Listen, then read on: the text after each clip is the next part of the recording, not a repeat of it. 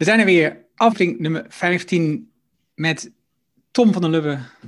Welkom Tom. Goedemiddag Erno, dit keer goedemiddag. Ja, en Erno Hanning en het is middag, avond, ochtend, wanneer je ook maar luistert. We hebben vandaag een super gaaf boek. Het, is echt, ik, het boek echt van voor tot achter helemaal uitgelezen. Het is gelijk al, weet je gelijk hoe ik over dit boek denk. Het boek heet Everybody Matters. Uh, het is geschreven door Bob Chapman. Uh, dat, is, dat, is, dat, is, waar, maar dat is, er ontbreekt nog een naam. Ik ben die andere naam even kwijt. Raisi Sodia. En um, Bob Chapman is CEO van het bedrijf Barry Wehmiller. En het boek gaat eigenlijk grotendeels ook over um, hoe ze dat in het bedrijf hebben georganiseerd. En um, om maar te zeggen, het, het, boek is eigenlijk. Het is bijna te mooi om waar te zijn. Het is, op een moment dacht ik gewoon van, ik wil, ik wil bij hun werk. Ik wil, ik wil een workshop volgen van hun. Ik wil, ik wil daar iets mee. Dat, zo, zo ging ik in het boek op. Dat is, uh, ja, dat, dat is om even hoe mooi ik het boek vond. Wat was jouw gevoel bij het boek?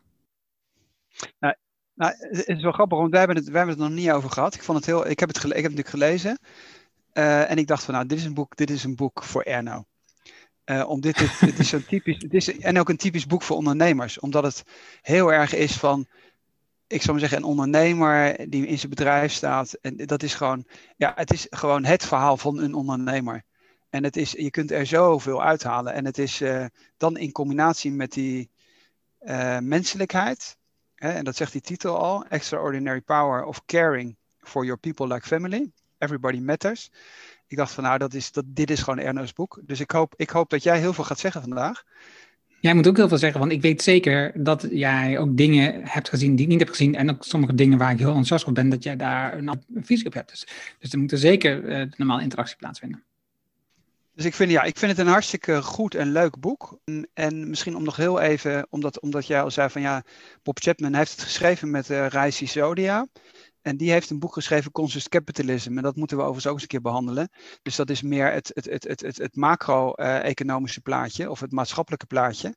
En, en, en Bob Chapman is, ja, hoe doe je dat dan eigenlijk in de praktijk in je bedrijf?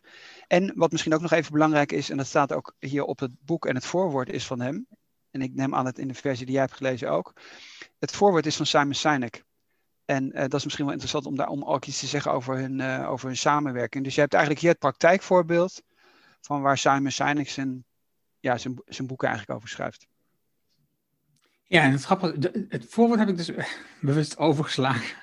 Het, boek is in de kern opgedeeld, en we komen zo terug op Sinek, over de reis, dus van Bob als ondernemer, gedeeltelijk, maar ook de reis van uh, de organisatie Perry Wemiller. En het tweede deel in het boek is eigenlijk een soort handleiding de elementen beschrijven ze dan uh, die daar de, het fundament zijn van de principes binnen dat bedrijf. En hoe jij dat zou kunnen toepassen in jouw bedrijf. En even eh, wat we misschien niet helemaal duidelijk gezegd Barry Wemelen is een naam die je niet kent. Het is een bedrijf wat bestaat uit vele verschillende bedrijven. Ze hebben al met al 13.000 medewerkers twee jaar geleden. En dat is ook weer 3 miljard omzet geloof ik uit mijn hoofd eigenlijk. Ja, ongeveer 3, ja, 3 miljard omzet doen ze. En ja, het is, ze hebben 13.000 medewerkers, dus het is gewoon echt een enorm bedrijf. En, en ze hebben veel bedrijven overgenomen, iets van ruim 80 bedrijven hebben ze overgenomen om tot deze grootte te komen. En dat zijn allemaal bedrijven die machines maken, grote machines, of daar um, advies over geven. Um, dus het, het, het, zijn vaak machines die staan in de bedrijven die producten verpakken die wij willen. Dus uh, uh, ze verpakken voeding, ze werken in het schoonmaken van flessen, verpakken van flessen. Dus ze, ze werken in fabrieken die wij niet zien van de binnenkant en daardoor kennen we die producten niet. Maar het is wel een gigantisch bedrijf. En dat is, het is ja, als je dit leest, denk je, ja, dat, dat is absurd dat het daar gewoon kan. En, ja, en tegelijkertijd denk je, dus kan het ook in mijn bedrijf, denk ik dan. Ja, het is, eigenlijk is het een boek van een Amerikaanse ondernemer van wat wij Rijnland zouden noemen. Dus de Amerikaanse, dus de Amerikaanse Rijnlandse variant. Uh, en het interessante is, als je bijvoorbeeld even googelt, waar ligt eigenlijk uh, uh, St. Louis, Missouri? Dan, dan zie je dat dat gewoon, het is niet de hippe ondernemer uit San Francisco of New York. Nee, dat ligt gewoon ergens in het midden. Hè, zo tussen, tussen Chicago en Alabama. Ik moest echt even kijken waar het, waar het lag. Dat is het midden, dat is, dat is Amerika. Dat, is, dat zijn de oude machinebedrijven die, die door doordat eigenlijk de boel getransformeerd is naar Azië naar China vooral, eigenlijk allemaal kapot zijn gegaan. En die koopt die stuk voor stuk weer op. Dat is, dat is het verhaal. En het, het is dus veel groter dan alleen maar dat bedrijf. Het gaat het heel erg over ook om die maatschappelijke impact. En dat maakt het heel erg interessant. En het maakt het tegelijkertijd ook heel erg interessant, denk ik, in de, in de context van de Amerikaanse politiek. Wat er eigenlijk met dat land industrieus is gebeurd. En, en, en waarom bijvoorbeeld ook zoveel mensen op Trump hebben gestemd. Omdat alles tussen die kusten van die oude manufacturing uh, companies die hij beschrijft, ja, die zijn er gewoon allemaal kapot gegaan. En dat wordt ook beschreven in het boek, dat deels weer de dingen worden teruggehaald uit Puerto Rico of uit Mexico. En dat wordt gezegd, nee, we gaan het in Amerika weer maken. En dat is dus wat dat betreft fantastisch. Ik vind het ook een fantastisch boek. Ja, en, en even dan het verschil tussen Trump en hem en Bob Chapman is, Bob Chapman doet het gewoon. Weet je, Trump zegt wat hij doet en heeft zelfs een petje op wat, wat gemaakt in China, maar Bob doet het gewoon. Ja. Die, die, die koopt gewoon bedrijven maar waarmee het economisch gezien niet goed gaat. Dus die, wat betreft koop aantrekking. Maar waar, waarbij hij de potentie ziet en waarbij hij ook ziet dat de, de, ja, de kern is goed in dat bedrijf. Weet je, mensen zijn er, de kennis is er. er zit zoveel in zo'n bedrijf. En soms is zo'n bedrijf is gewoon een, een dorp. Weet je, dat is gewoon een gehucht, is dat bedrijf. Van, bijvoorbeeld, dat is, die zit in Philips, uh, Philip, uh, heet het, hè, die town. Ja, en Wisconsin. De, de, die zegt gewoon, ons, ons, ons dorp is door, bij helemaal door die overname. Anders was het gewoon kapot gegaan en was het dorp ook ten einde geweest. Want iedereen werkt daar. Oké, ik zal eens aftrappen met een beetje een introductie. Want waarom is dit toch bijzonder? Want ik had ook, ik had ook echt, want ik was bezig met een andere voorbereiding voor een andere aflevering podcast over het Rijnlands model met Pieter van Os. En dus ik had me in het Rijnlands model verdiept, uh, nu wat meer dan normaal. En dus ik, dacht ook, dit, dit is gewoon, dit is het Rijnlands model. Dit is gewoon de menselijke maat. Dit is exact waar uh, Peter over praat in zijn boeken en zo. Dus uh, wat je dat zei, dat, dat, dat zag ik ook helemaal. En het grappige is, die Bob Chapman, die is zelf opgeleid als accountant. Hij heeft bij grote accountancy- en consultiebedrijven gewerkt voordat hij door zijn vader had gevraagd om in het bedrijf Barry Wayman te komen. En Barry Wayman, dat, is dat zijn twee familienamen, die zijn ooit samen geweest, twee bro uh, broer en um, schoonbroer, zeg maar, hoe heet het, zwager, zwager. En later is daar de vader van Bob Chapman bijeengekomen en die heeft het bedrijf overgenomen. En toen, uh, hij, toen Bob Chapman, de zoon, dus een tijd lang bezig was als accountant, heeft de vader gevraagd, kom in het bedrijf, dan kunnen we hem helpen om dit te organiseren. Dus hij was echt enorm gewend om te denken in Amerikaanse structuur, aandeelhouderswaarde. Als het slecht gaat met het bedrijf, schrappen in mensen. En mensen, nee, dat zijn gewoon getallen in een spreadsheet. Het is gewoon human resource. Het zijn gewoon bronnen in een bedrijf. Ze hebben een functienaam. Er zit geen mens achter, geen emotie. Schrappen, mensen weg. En dan zijn er drie momenten in zijn leven die alles veranderen. En ik heb ook een video gevonden die uh, het verhaal vertelt rondom een boek. Die zal ik ook delen in de show notes. En de drie elementen, die momenten in zijn leven die eigenlijk alles van toen, toen was hij al zelf eigenaar van het bedrijf. En toen hebben ze ook al een crisis doorgemaakt.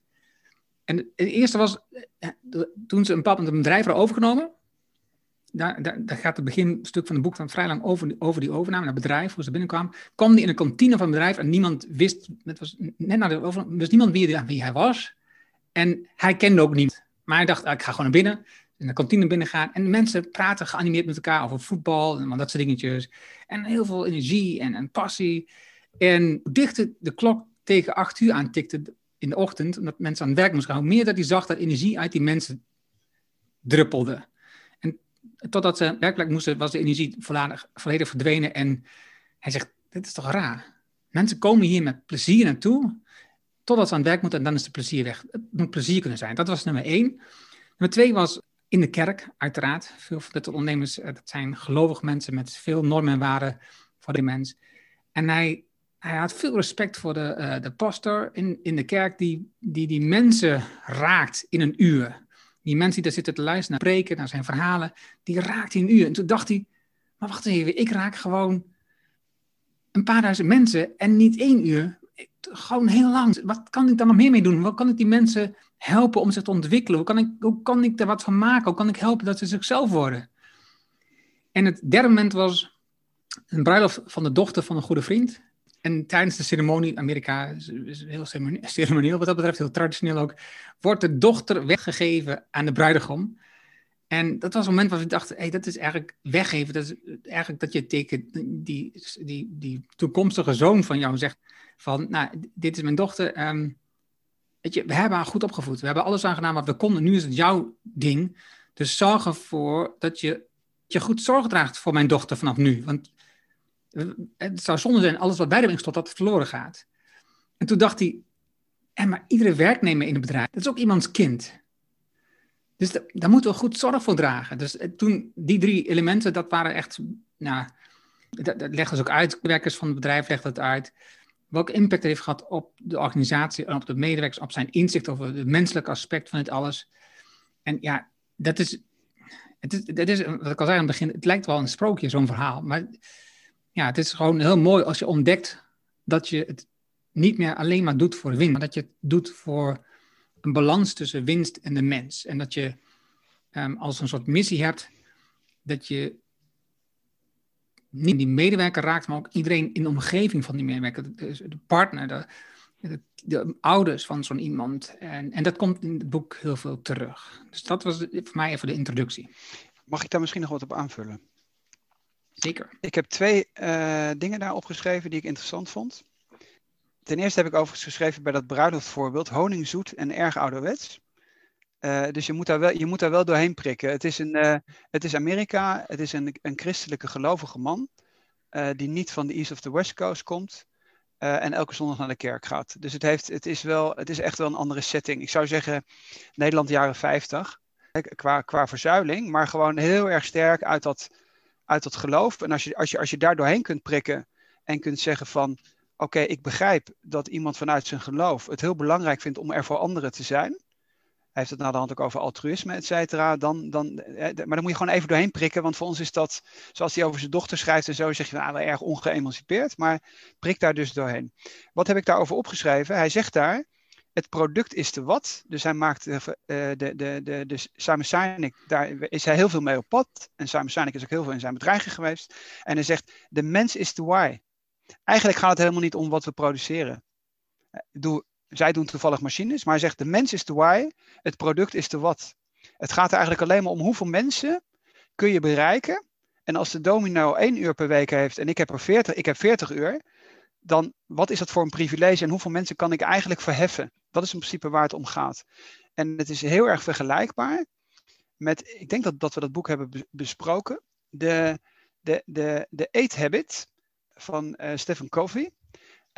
En dezelfde logica, Stephen Covey als mormoon, exact hetzelfde. Dus je bent op de wereld om de wereld een stukje mooier te maken. En het is jouw opgave vanuit, vanuit, die, vanuit die christelijke ethiek.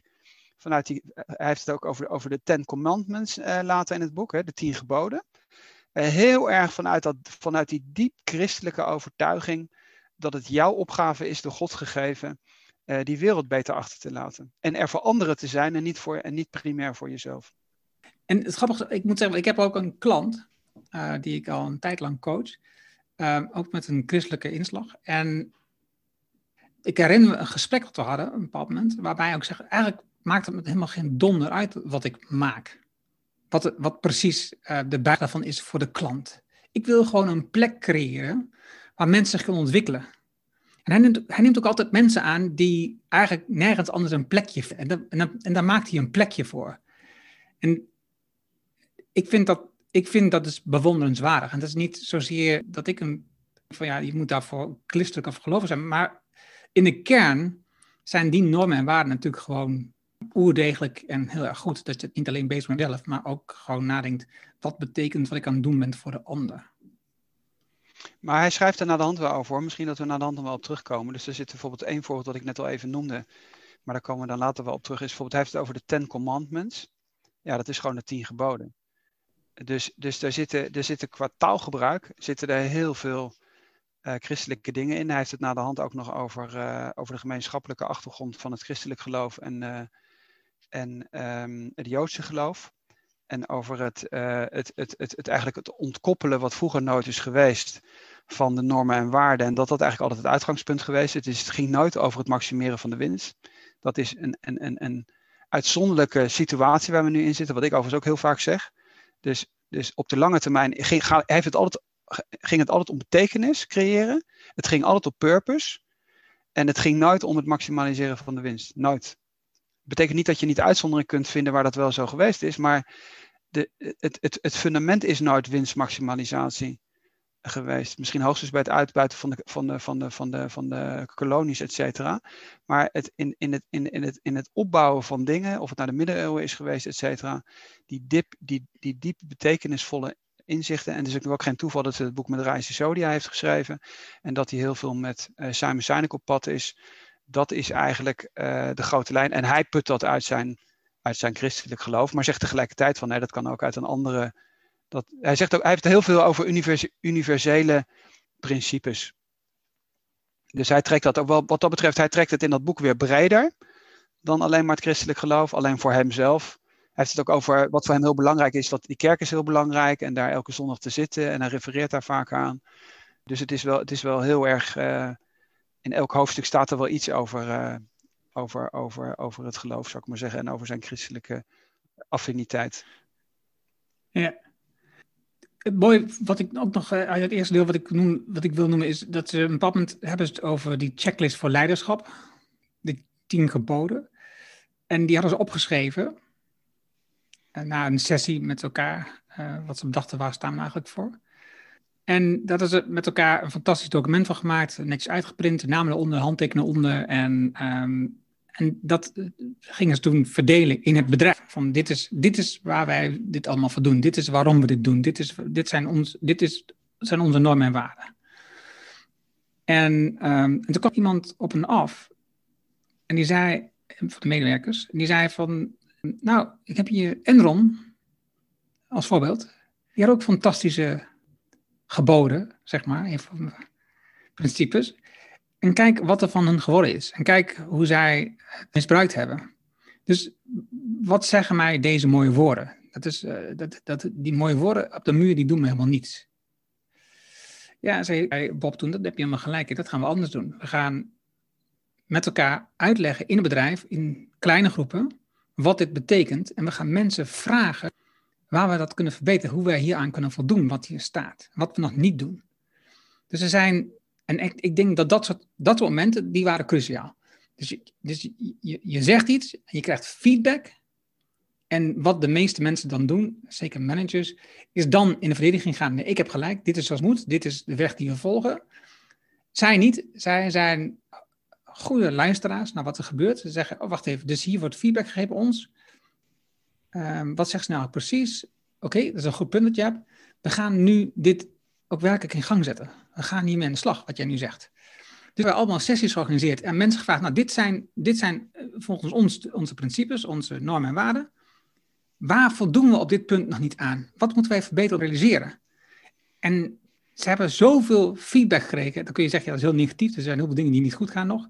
Maar dat, daar, kun je dus, daar kun je dus mee je bedrijf verbeteren, die feedback. En daar denk ik, waar nu veel bedrijven veel meer zouden kunnen doen, dat je als ondernemer of als manager niet iets de organisatie dumpt om te zeggen, dit is zoals het is. Maar iets in een organisatie neerlegt, dit is een idee die ik heb. Wat vinden jullie ervan? Hoe zou ik kunnen organiseren? Hoe zou ik kunnen realiseren wat hier staat? Uh, dat, dat, dat vond ik dus fantastisch om te organiseren op die manier. En je ziet dus dat ze continu dit soort dingen doen, waarbij ze iets neerleggen in het bedrijf en dan in gesprek gaan met allerlei medewerkers, verschillende plekken in het bedrijf, welk niveau ze hebben. En luisteren wat er gaat gebeuren en vanaf dat moment ook actie nemen. Dus als iemand zegt, ja, dat is hartstikke gaaf dat je nou vindt dat ik te vertrouwen ben. Maar als ik onderweg ben en ik doe de onderhoud van machines, is een voorbeeld in het boek wat genoemd, hè, en dan vertrouw je me volledig, dan uh, laat je alles aan me over, dan mag ik alles in mijn eentje doen.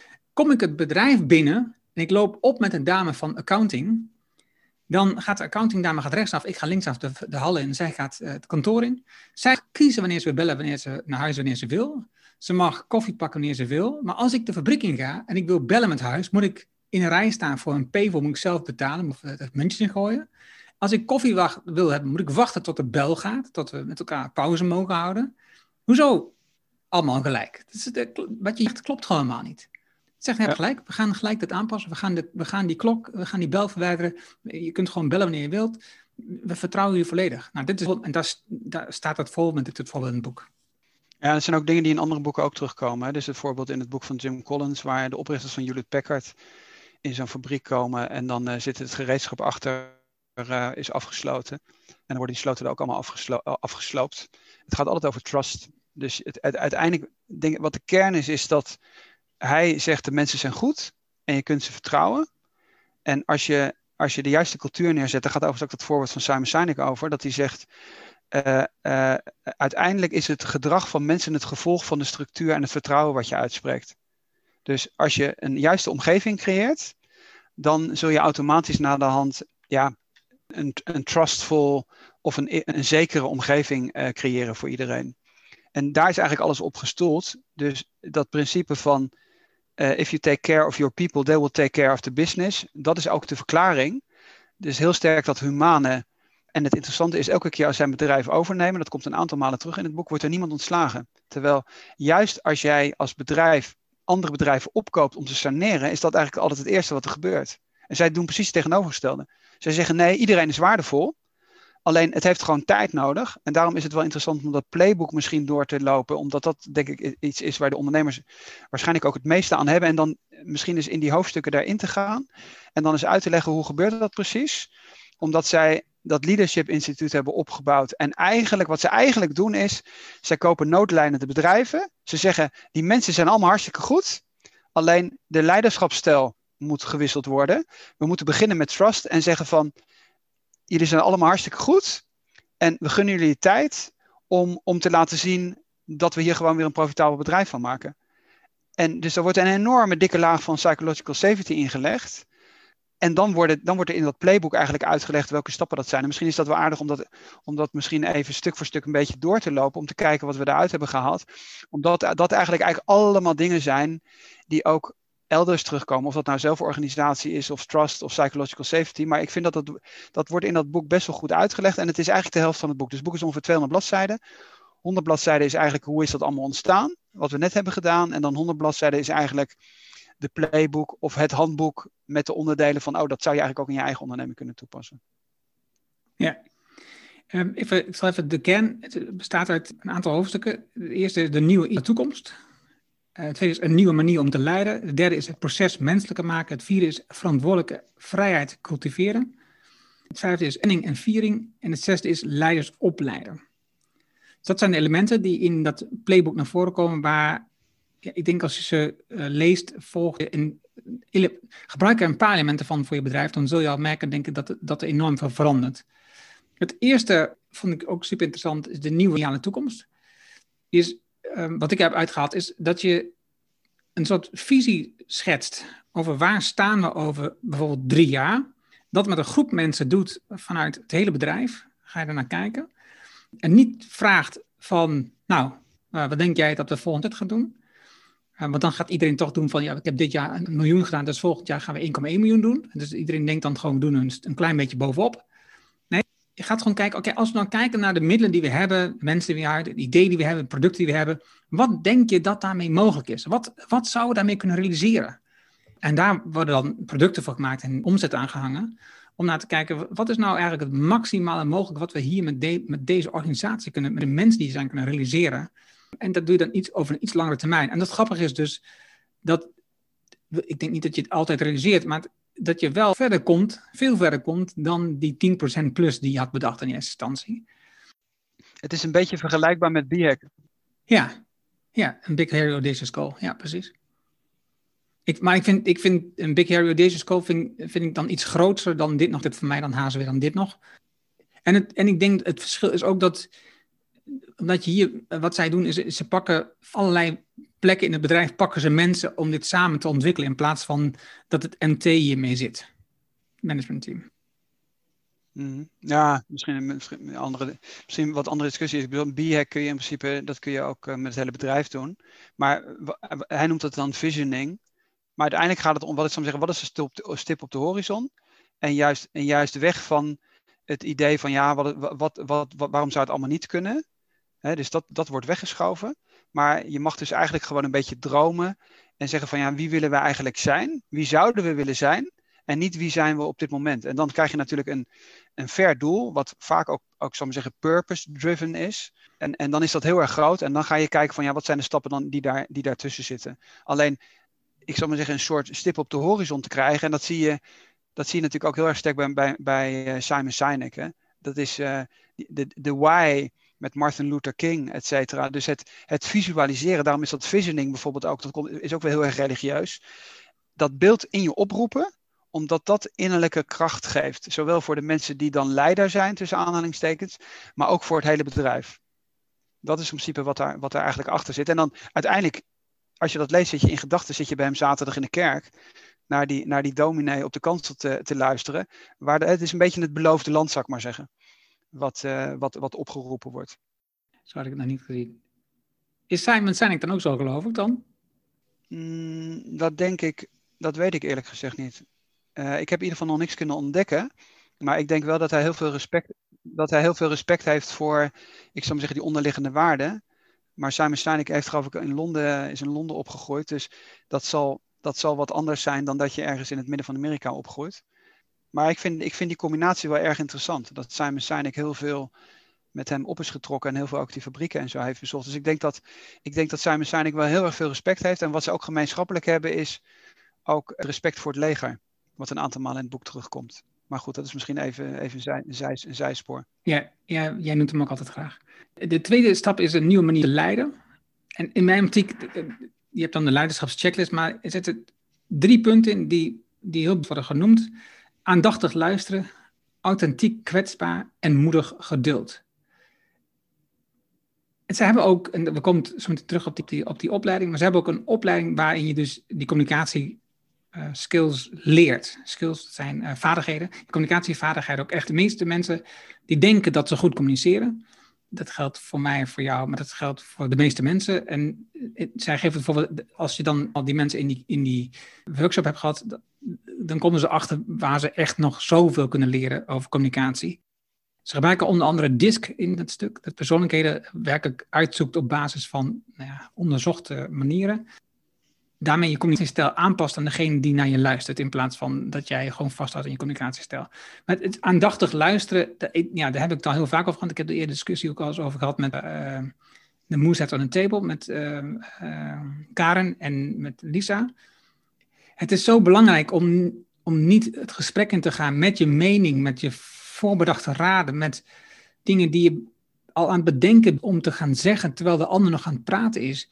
Dat je gewoon echt oprecht luistert naar iemand om te ontdekken waar zit nou, waar zit nou het verhaal bij die ander? Wat willen ze nou, willen ze nou bereiken? Wat is nou wat ze doen? En oh ja, een mooi authentiek kwetsbare tweede deel is dus ook dat je dus al eigen dingen deelt. De, de, fouten die jij maakt deelt. Dat je je kwetsbaar opstelt, dat je laat zien dat jij ook maar een mens bent. Zodat, zodat hoe kwetsbaarder je bent, hoe makkelijker het wordt van anderen ook dat te tonen. En ze geven aan dat er zit een soort uh, lid op de, op de groep. Dus als je zelf, um, je, als je van een schaal van 10 tot 1 zou nemen, als je een 5 kwetsbaar opstelt, dan, gaat de groep niet verder dan 3 tot 4, dan houdt het op. Maar als je zelf in een schaal tot 10 kwetsbaar opstelt, dan krijgt de groep mee tot een 7 of 8. Weet je, dan pas gaat iedereen echt openen en komt met voorbeelden. En, en ook in die, dus in die, in die uh, workshops hebben ze altijd die gaan helemaal niet over het werk, die gaan echt over mensen, hoe ze persoonlijk dingen meemaken. En de laatste is moedig geduld. Ja, die is natuurlijk ook gewoon super ingewikkeld. Uh, vind ik zelf in ieder geval. Ik wil zelf vaak, heel vaak sneller dan de ander. Ik, je ziet dingen al van de ander voor je waar ze naartoe zouden kunnen gaan. Wat je, waar ze goed in zijn, waar je, waarin ze zich kunnen ontwikkelen. En waar, waarvan je denkt, als je dit nou oppakt, dan kan dat zomaar zo gebeuren. En weet je, doen. Maar als een ander er niet klaar voor is, dan is dat gewoon heel ingewikkeld. En bewaar geduld. Geef de ander zijn eigen pad te ontdekken, te ontwikkelen en te vinden waar ze naartoe moeten. En, dat, en die, drie, die combinatie, dus door heel goed te luisteren naar de ander en je, en je kwetsbaar opstellen door je eigen voorbeeld te geven en dan de ander de ruimte te geven en, en zelf het geduld te bewaren om die persoon zelf ja, mening te laten vormen, maar ook zijn eigen ontwikkeling te laten ontdekken. Ja, dat is fantastisch, maar ook, ik denk dus ook gewoon super moeilijk. Ja, wat, wat, wat ik interessant vind is dat bijvoorbeeld dat eerste punt met dat luisteren is natuurlijk uh, first seek to understand and to be understood om een van de seven habits uh, te nemen. En die vulnerability, omdat we het net even ook hadden over dat christelijke, dat vulnerability, dat, dat zit er heel sterk in ook weer ten opzichte van en ik, ik ben dus helemaal niet christelijk gelovig in, in, in die zin, maar dus in het aanzicht van God zou je zeggen. Dus je hebt een enorme afstand. En dan kan het of purpose zijn, of hè, dus die bescheidenheid, of die nederigheid en die opgave die je hebt vanuit, vanuit, die, vanuit die christelijke ethiek. Uh, en dan is die afstand dus naar God heel groot en ten opzichte van elkaar heel klein. Dus ook al ben jij dan CEO van het bedrijf, dan is dat omdat je vanuit die religiositeit denkt of vanuit die religie denkt, is, dat, is er een veel duidelijker het besef aanwezig dat jij niet zo belangrijk bent als leider. En dat hele idee van, hij heeft het heel vaak over servant leadership. En servant is dat, is dat rentmeesterschap, wat ook, ook uit de Bijbel uh, heel erg komt. En rentmeesterschap, als je dat in Nederland noemt, dan begrijpen vooral mensen die religieus zijn opgevoed, kennen dat. Zeker in de gereformeerde hoek, waar, de bij, waar het Bijbellezen nog een veel belangrijkere rol speelt. Dus dat, is, dat, zit er zo, dat zit er zo diep in. En om bij dat derde punt nog even te komen, ik heb één voorbeeld eruit gehaald. Dat wat elke keer weer aansluit, everybody matters. Het gaat er dus om dat vanuit die menselijkheid staat het jou dus bijvoorbeeld ook helemaal niet toe om iemand niet goed te vinden of weg te saneren. Dus dat voorbeeld van, jij, van, die, van die ondernemer die jij coacht, daar gaat het om. Dus, en dan neemt hij dat voorbeeld van de bus. Dus eigenlijk valt hij indirect in dat boek Jim Collins ook een paar keer aan. Best wel interessant overigens voor de Jim Collins fans. Ik denk wel dat Jim Collins daar ook wel weer een antwoord op heeft, want Jim Collins is ook een gelovig man. Maar er staat, ik lees even dat voorbeeld in het Engels hiervoor. Uh, want het is toch even, hij, hij deelt toch even uit. Uh, hij citeert iemand anders die zegt: It's like you are driving a bus around the block repeatedly. Dus je rijdt steeds weer een blokje. You keep picking up people when they are ready, when they choose to opt in. Dus je rijdt maar om en sommige mensen zijn nog niet zo ver en dan rij je nog een rondje en dan tot uiteindelijk tot iedereen erin stapt. But you stick to your values and your direction. Patiently wait for people to hop on board. Dus het is leave nobody behind. Het is vanuit die, vanuit die ethiek, vanuit die overtuiging, dat iedereen even waardevol is. En dat je dus naar, altijd naar oplossingen zoekt voor mensen. Dus dat zijn ondernemers die zullen zeggen: Oh, er zijn nog een aantal leerlingen die hebben nog geen, die hebben nog geen opleidingsplek gevonden. Dat kan niet. Dat is niet goed. De jeugd moet zingeving ervaren. Wij gaan het opleiden met elkaar, wij gaan het oplossen met elkaar, regionale ondernemers. Wie heeft er nog een plekje voor die jongen? Dat is heel erg vanuit dat besef en je ook verplaatsen in de ander. Wat je eigenlijk, wat je eigenlijk zou verwachten. Dus dat, is, dat gaat veel en veel dieper. En daarom zegt hij ook: the why is the people. Het gaat helemaal niet om het product. Het gaat erom, het uiteindelijk ben je een sociale instelling die, die probeert iedereen een zinvol bestaan te geven en ook een zekerheid te geven van een vast inkomen. En hij wijdt dan ook heel vaak heel erg uit richting privéleven. Dus dan kan alle mensen die geciteerd worden, is misschien voor de luisteraar wel interessant, die allemaal zeggen: I have become such a better husband. En zo. Dus allemaal van dat soort dingen. En, en die dan één keer tegen een vrouw kunnen zeggen: I love you. Dus dat, is, dat ligt er voor ons natuurlijk heel erg dik bovenop. Alleen hij wil eigenlijk laten zien dat die sociale verantwoordelijkheid die je als ondernemer hebt, er ook toe leidt dat die mensen in hun privéomgeving sympathieker zijn ten opzichte van hun kinderen. Dus dat is dan zo'n soort medewerker van, van hem die dan militair is geweest. En dat wordt eerst beschreven dat het een hele brede bodybuilder is. En die wordt dan geciteerd en zegt van ik kan in één keer veel beter met mijn dochters praten. Dat zit er heel diep in. En er zit heel diep in, gun de mensen de tijd, schrijf de mensen niet af gun ze de tijd om ook aan boord te komen. En dat is wel iets heel moois. En ook eigenlijk iets wat, ja, ik wil niet zeggen niet van deze tijd is, want het is van alle tijden. Maar het gaat volledig in tegen wat op dit moment geleefd wordt. En het, wat ik een heel aardig voorbeeld vind, is dat hij spreekt met een hele succesvolle ondernemer die heel veel winst maakt en die dan zegt van ja, ik doe ook aan goede doelen. En dan gaat het om dat hij, soms zeggen, zes atleten elk jaar met een, met een, met een minderheidsachtergrond dan sponsort. En dan, en dan zegt hij van ja, maar hoeveel mensen werken bij jou? Waarom probeer je niet in je bedrijf goed te doen? Ja, het is echt vanuit een diep menselijke overtuiging dat hij, uh, dat hij aan de slag is. Ik sla er even eentje over proces menselijkheid gaat, gaat, gaat heel erg over lean. Gaat over de, de organisatie beter maken, efficiënter maken. Maar niet vanuit de kant dat, dat je, je eigen baan wordt, gesaneerd, maar wordt gekeken naar hoe kunnen we het bedrijf met z'n allen beter maken. Dat is de kern. Volgende is verantwoordelijkheid, vrijheid cultiveren. Vrijheid is dat je de vrijheid hebt om nou, je eigen keuzes te maken. Dat je kiest wat je doet, wat belangrijk is voor je. Maar met de verantwoordelijkheid, en, en ik denk dat het enorm aansluit wat je net allemaal zei, dat je denkt over, laat ik zeggen, dat je rekening houdt met de keuze die je gemaakt hebt, wat dat betekent voor anderen. En ook met de vereisten van het bedrijf. Wat zijn de regels? Wat zijn, wat zijn, wat zijn de dingen die hebben gesteld van het bedrijf? Dus, dus aan de ene kant heb je de vrijheid om te kiezen, maar aan de andere kant hou je rekening met de rest. En ik denk dat het enorm aansluit wat je net al zegt uh, hierover. Wat ik misschien nog wel even, wil misschien nog even één, eh, omdat je er net over eh, dat hoofdstuk zei van uh, dat lean. Dat is misschien wel belangrijk voor de mensen die verstand van lean hebben. Wat hij eigenlijk doet, is dat hij van lean weer teruggaat naar de oorsprong, naar Kaizen. Hij, hij, hij, hij legt zelfs even uit wat Kaizen is. Verandering en goed, en goed doen.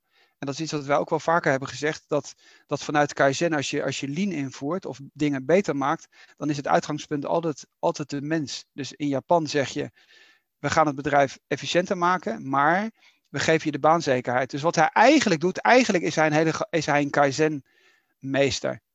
Hij doet exact hetzelfde wat de Japanners doet. Maar hij, en er, komt, er zit er zelfs een tabel in wat het verschil is tussen Lean en, en, en, en hun methode. Maar eigenlijk schrijft hij gewoon daarnaast wat, wat de oorsprong van Lean is. Dat is namelijk Kaizen. En dat vind ik op zich wel grappig. Dus dat hij durft niet te zeggen van de manier waarop Amerikanen eigenlijk Kaizen geïnterpreteerd hebben, die is onmenselijk en die klopt niet. Hij zegt dat wel. Eigenlijk gaat hij gewoon weer terug naar de, naar de, naar de oorsprong van, het, van de Japanse manier van Lean. Dus dat misschien nog even voor de fans. Voor de fans van Lean, om daar wat recht van te doen.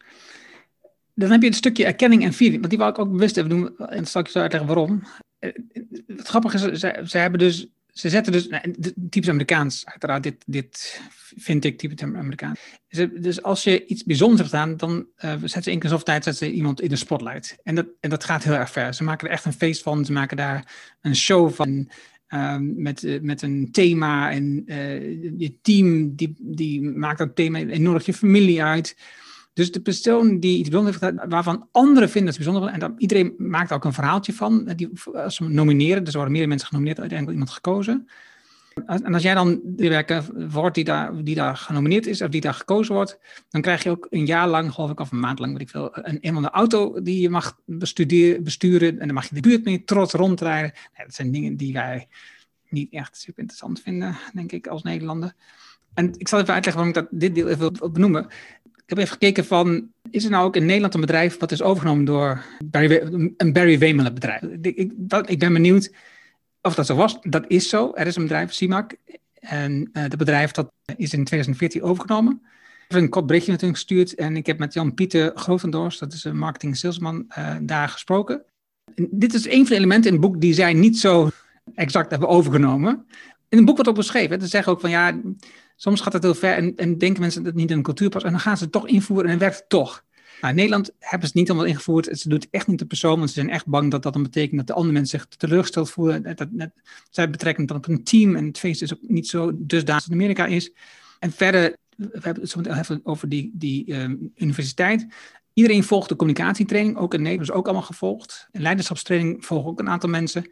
En dat heeft enorm veel gebracht.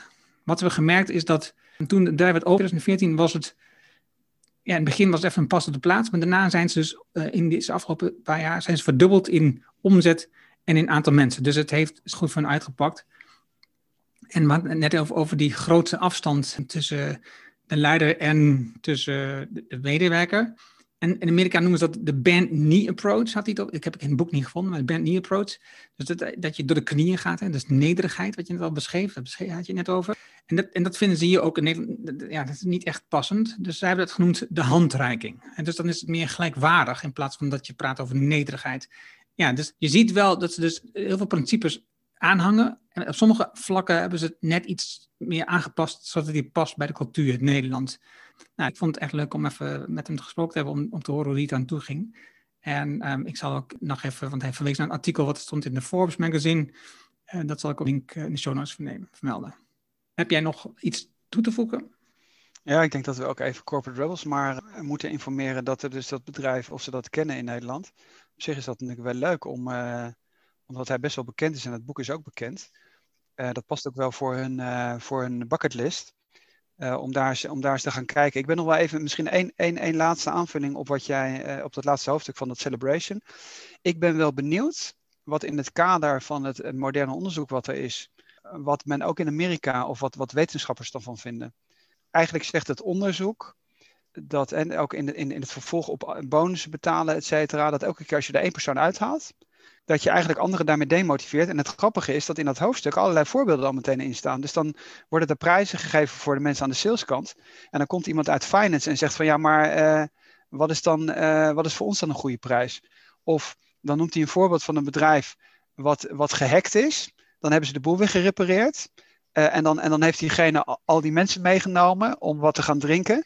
En dan, en dan komt iemand uit de IT-afdeling en zegt van ja, maar wat doe ik nou met mijn mensen? Want wij hebben gewoon preventief de boel goed op orde en voldoende firewalls. En bij ons wordt er, is er niet, zijn er niet gehackt. En dan, weet je, je krijgt alle, allerlei van dat soort discussies. Waarvan ik dan denk, ja, dan volgende bladzijde kom met die conclusie. Dat dat misschien toch ook wel een, een, een keerzijde heeft. Maar ze blijven in dat, in dat, in dat winnaarsidee zitten. En ik vraag me af of dat niet, of dat niet, wat dat betreft, ook iets heel erg Amerikaans is. En dat ze daar toch op een of andere manier ook niet, dat ze niet uit hun eigen mentale box kunnen sterke leiders, eh, bonuscultuur, willen winnen. Terwijl het heel erg om het collectief gaat, et cetera. Ik zou het wel interessant vinden om een keer. Ehm, ja, het, valt een beetje onder Amy Edmondson, maar die zit natuurlijk ook heel erg in de Amerikaanse cultuur. Misschien een keer met uh, Kilian Mawoe. En misschien een keer een boek van Kilian Mawoe nemen, de Nederlandse salarisexperts. En dan misschien eens kijken wat, uh, wat hij daarvan vindt. Dat was nog even mijn laatste opmerking. Dan sluit ik hem graag af. Ik uh, dank jullie wel voor het luisteren. Als je vragen hebt, opmerkingen hebt over, dit boek. Nou, je hebt gehoord wat we ervan vonden. We zijn allebei enthousiast met onze kanttekeningen. Heb je vragen, opmerkingen, reacties ook? Of heb je een boek waarvan je zegt, nou, dan moet je echt voor de boekenkaast lezen. Laat het in de reacties hieronder achter of stuur ons een berichtje. Je doet ons een groot plezier mee. Wij doen dit met veel plezier. Dankjewel voor het luisteren en graag tot de volgende. Dank je, Erno.